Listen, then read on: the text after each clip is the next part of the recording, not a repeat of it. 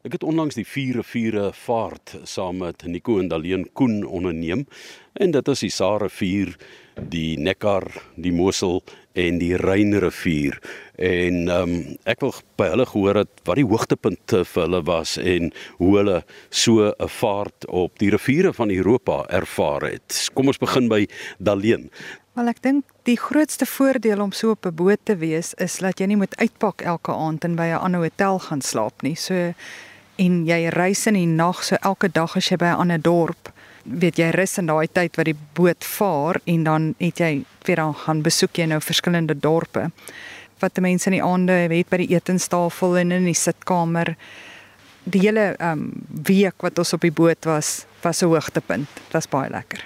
Is daar een of twee plekke wat vir jou aan die hart gevat het? Ek dink Koblenz Saarburg was baie interessant met die kanaal of die die waterval wat in die middel van die dorp is. Dit was pragtig. Dit het my baie laat dink aan Nederland en seker België ook met dit. En met al die blomme op die rand van die waterval daar, dit was baie oulik. Meerburg was ook baie interessant langs die Bodensee. Um oulike dorpie, klein wat heeltyd langs die Bodensee was. So dit was ook baie interessant om daar rond te loop en en die winkeltjies te sien en die bakkerye en goetertjies wat daar was, die kasteel wat so bo was. Dit was my interessant. Die historiese gevoel wat 'n mens kry as jy deur die plekke loop, kastele, kathedrale. Uh, in Suid-Afrika, waarby is jy betrokke? Wel ek is 'n rekenmeester wat nou betrokke is by 'n privaat skool. Ek bestuur 'n privaat skool vir die afgelope 20 jaar wat ek nog rekenmeesterswerk in 'n praktyk gehad het, maar ook en net al hoe meer by die skool betrokke geraak het en nou is ek voltyds besig om 'n privaat skool te bestuur. Vertel ons 'n bietjie van die skool. Hoe groot is dit en eh, wat se kurrikulum het julle? Ehm um, dis 'n Montessori skool, so ons begin op 18 maande tot graad 6 doen ons 'n Montessori kurrikulum en dan van graad 7 tot graad 12 het ons 'n Cambridge kurrikulum en ons skryf die internasionale eksamen. Mag jy so dit is die volle spektrum wat jy deurneem van 18 maande soos jy sê tot 'n matrikulant en dan uh, die internasionale kwalifikasie as dit ware maak natuurlik die moontlikhede van studies oor see vir daardie studente moontlik. Absoluut. Ons kan in Suid-Afrika um studeer met die puntestelsel en dan kan jy enige plek in die wêreld word die Cambridge kwalifikasie jou matriek AS of A levels of O levels word reg oor die wêreld erken en jy kan enige plek in die wêreld gaan swat met 'n Cambridge matriek. Nou van al die lekker enigste plek in die wêreld wat jy al besoek het, hoe voel jy oor uh die reën wat jy gedoen het? Die reën was baie interessant, baie lekker. Ek dink nie ons het in Suid-Afrika so 'n breë rivier erns nie die Zambesi my miskien maar die rein ek dink nie tot jy nie op die rein self is en sien hoe breed dit is nie besef jy nie regtig hoe breed is 'n rivier nie jo. Ja. en dat jy regtig die skepe gaan so by mekaar verby weet en my oorlede pa het bestaan die eerste keer toe hy die see gesien het het hy gesê jy's maar die Engelse het 'n groot dam gebou ek sal nogal wonder wat sal hy gesê het as hy die rein kon sien weet en hoe mense daarop vaar Ek verstaan jy het ook 'n bietjie Skotse bloed in jou, so Skotland ook een van jou gewilde besoekpunte? Ja, die aard van die saak, my ma's gebore in Skotland en ons het nog 'n um, groot deel van haar familie bly nog daar. So ons kuier gereeld daar en ja, jy het maar 'n 'n sagte plekkie en uh, ons geniet Skotland baie. Um baie ook joviale mense soos ons boere maar is. Um so ons kuier baie lekker. Um dis pragtig, dit is groen, dis 'n anderste groen omdat dit seker maar so baie reën daar. Ja, so die die die landskap is is pragtig en die mense, ons geniet die mense baie. Baie hartlik in Flower of Scotland. Ek gaan nou nie vir jou vra om te sing nie, maar dit bly pragtig, né? Absoluut, ja. Absoluut. Dit is 'n baie mooi liedjie, maar ehm um, Suid-Afrika is definitief my nommer 1 en sal altyd bly.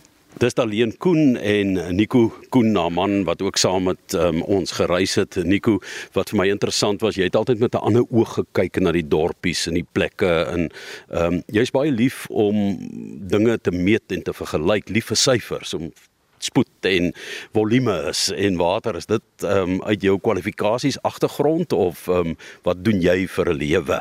Ja nee, dis nou nie heeltemal so nie. Ek het daarom uh uit 'n finansiële omgewing uit uh, kom ek waar ek my uh, hele lewe in gewerk het, maar um, die liefde wat mense maar seker het vir jou algemene kennis en as ek dit 'n landbou omgewing uit waaruit ek ook kom om altyd maar te kyk en te sien ehm um, wat is uitsette en hoe werk die ding of hoe, hoe pas die lewe net in mekaar in en uh, interessante goed soos ons byvoorbeeld ehm um, op die Ryn gevaar het en ehm um, die hoeveelheid water wat daar was, afstande en as ons by die sluise gekom het daar die wingerde wat hulle verbou hierso die metode wat hulle verbou daarvan um, en daai helling en hoe werk dit teen dit op so dis eintlik maar uh, waar is 'n weier belangstelling net. Die lewe lei my soms net maar um, waar jy moet gaan maar dit is waar 'n groot belangstelling vir my vanaand gekom het maar dit is nie uh, 'n uh, beroep wat ek nagestreef of uh, ingestudeer het nie Daleen het verwys na die bevaarbaarheid van Europese riviere en dis vir Suid-Afrikaners 'n besondere ervaring om dit te kan doen op daardie manier, né?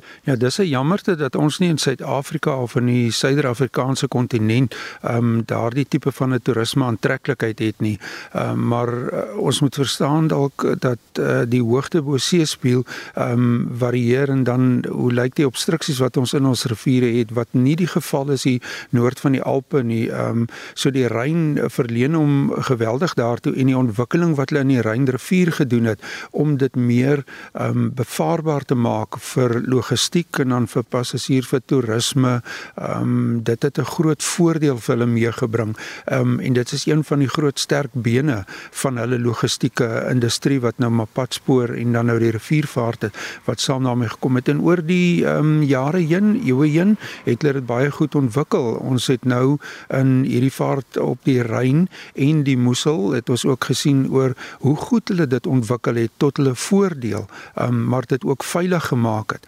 Um dit is net sleg om waar te neem dat die invloed van um klimaatsverandering op die reënval wat dan die waterhoogte uh, beperking plaas op die rivier um en dit beperk dan nou weer ander uh fasette van die logistiek of van toerisme. Um sekere roetes waar jy nie kan vaar wat jy in die verlede kon gevaar het, maar dit het nog steeds 'n geweldige groot voordeel en as baie riviere Frankryk homself het 'n groot hoeveelheid van riviere waar jy nou net op 'n kleiner skaal weer um, kan gaan vaar jouself of dalk ook op 'n toerboot uh, kan jy op die rivier gaan vaar. Um, so dis groot voordeel uh, om so groot rivier te kon hê soos die Ryn en om hom te kon sien uit die kajuit van 'n skip. Uh, dis baie regtig. Nou as jy mens gaan kyk na die Europese Unie en die manier waarop hulle hande vat, byvoorbeeld want so 'n rivier vloei deur, miskien met verskillende name, maar deur baie lande en dit maak dit 'n kragtige moontlikheid dan wat so iets kan benut vir die ekonomie, nie net toerisme nie. So ehm um, dis nogal iets wat 'n mens kan gaan leer nê by hoe die ekonomie werk van hierdie lande en hoe hulle dan 'n kragtige moontlikheid vorm of 'n blok vorm. Ja, ek dink uh, die Europese Unie sedert sy ontstaan, ehm um, dis nou heelwat vroeër terug al daar in die 1950s en dan nou die latere formasie van die Unie soos wat ons hom vandag ken, die groter Unie, ehm um, het die potensiaal raak gesien van wat die rivier ehm um, of riviere, uh, want daar's ook sy takke wat invoer tot die Rynrivier, wat dit vir hulle meegebring het en die onderlinge ehm um, ekonomiese uh, verrigting tussen die onderskeie lande ehm um, is duidelik uh, wanneer waarneembaar as jy in die in die Ryn spesifiek uh, vaar op of af om te kon sien hoe hoe vloei die ekonomie langs die rivier wat hulle logistiek hulle produkte vervoer as jy in die Ruhrgebied um, vaar kan jy ook sien hoe naby is daardie industrie in Duitsland die uh, by die rivier gebou as mens opwaarts gaan na um, Amsterdam Rotterdam of jy gaan na Hamburg toe um, dit is massiewe groot hawens wat hulle daar wat in 'n riviermonding gebou is. Daar so hulle benut dit tot hulle voordeel voordeel in totaliteit. Ehm um, en die ekonomie ehm um, word beïnvloed deur die na-Covid uh, tydperk wat ons nou in beweeg het, maar dis nog steeds uh, merkbaar die volume van verkeer wat hulle hanteer rondom hulle rivier uh, infrastrukture wat hulle het. Ek gesels met uh, Nico Koen. Nico, toe ons nou op die Christine van Wyk se 44 vaart was, was jy die eerste man by die kaptein se brug in toe die kaptein vir ons genooi het om 'n draaitjie daar te maak. En toe het hy vir jou 'n paar baie interessante vrae beantwoord en onder andere oor die diepte van die rivier en ek dink baie min mense wat op die rivier gevaar het besef eintlik wat daar gebeur het met die uh, lae watervlakke op die oomblik in onder andere die Ryn en die Moesel. Ja. Uh so in die gemiddelde vlak wat die landskap homself as noord van die Alpe is daar omtrent so 140 meter bo seevlak. So die rivier loop teen 'n gemiddelde waterpas vlak omtrent, maar daar is 'n uh, uh, oor 'n afstand 'n um, variasie in die diepte dan wat voorkom en dan moet hulle sluise en 'n bietjie van 'n keerwal, 'n damwal daar oprig. So op daardie stadium kry jy uh, sluise wat hier in die omgewing van so 5 tot 7 meter diep is, um, wat dan op gravitasie die water um, uitlaat en die nuwe water invoer uh, afhangende nou van of jy nou um, afwaarts vaar en of jy opwaarts sou sou vaar daarvoor. Um, en dit werk baie elementêr is maar soos 'n verkeerslig wat dit werk en dan kom daai skuite en skepe en vraghouers almal daardeur. Um, die rivier is nie werklik uh, baie diep dat jy by 20 of 30 meter diepte sou kom as jy dink aan 'n rivier wat in ander dele van die wêreld wêreld is nie. Ehm um, die wyte wat hy het en dan sy sterkte wat hy vloei het 'n duidelike aanduiding aan die kant oor hoe wyd die water werklik kan vloei. So met die veranderende weeromstandighede wat ons het, dink ons as die rivier voller is, kan hulle meer vrag laai en kan hulle meer vervoer, maar dit bring 'n sterker stroom mee. Daar is uh, tekens van erosie en uh, stormwaterskade aan die kant. Dit is 'n konstante infrastruktuur wat moet herstel word. Ehm um, en uh, die vaart op die rivier self ehm um, word dan 'n bietjie moeiliker om te navigeer. Ehm um, die uh boot sou byvoorbeeld op 'n hoër watervlak dan lig die boot en dan moet jy die ehm um, kapteins ehm uh, skipswoord moet jy dan laat sak om onder van die brug deur te kom en die brug kan nie laer kom nie. Ehm um, en die skuit kan ook nie laer sak in die water nie. So dan is daar 'n verstelling ehm um, wat uh plaasvind op hierdie uh bote. Ehm um, wat hulle nou maar aangepas het met die tegnologie wat hulle aan ingebring het op hulle uh, bote en um, dan vaar hulle verder voort. Daar is van die ouer brûe, dit is 'n uh, bietjie makliker by party van hulle om deur te vaar wat baie hoog gebou is. Ehm um, terwyl die nuus wat hulle bou, uh, probeer hulle om daai infrastruktuur so te ontwerp ehm um, dat die bote darm op 'n gemiddelde wyte van omtrent 13 meter en 100 meter lank omtrent, um, dan kan hy gemaklik in 'n uh, sluis inpas. Um, en dan kan hy sak van 7 meter op tot 'n 1 meter, 2 meter toe um, om deur die sluis te kan gaan, ja om so stadig te kan vaar. Kom ons kyk na die Lorelei gebied. Daar's so 'n verskeidenheid van kastele um, wat in uit 'n ander hoek uit vir jou sigbaar word wanneer jy op die rivier vaar want as jy dit sou vergelyk met 'n bustoer of met 'n treintoer deur die vallei sou jy dit nie uit dieselfde hoek uit kon sien nie.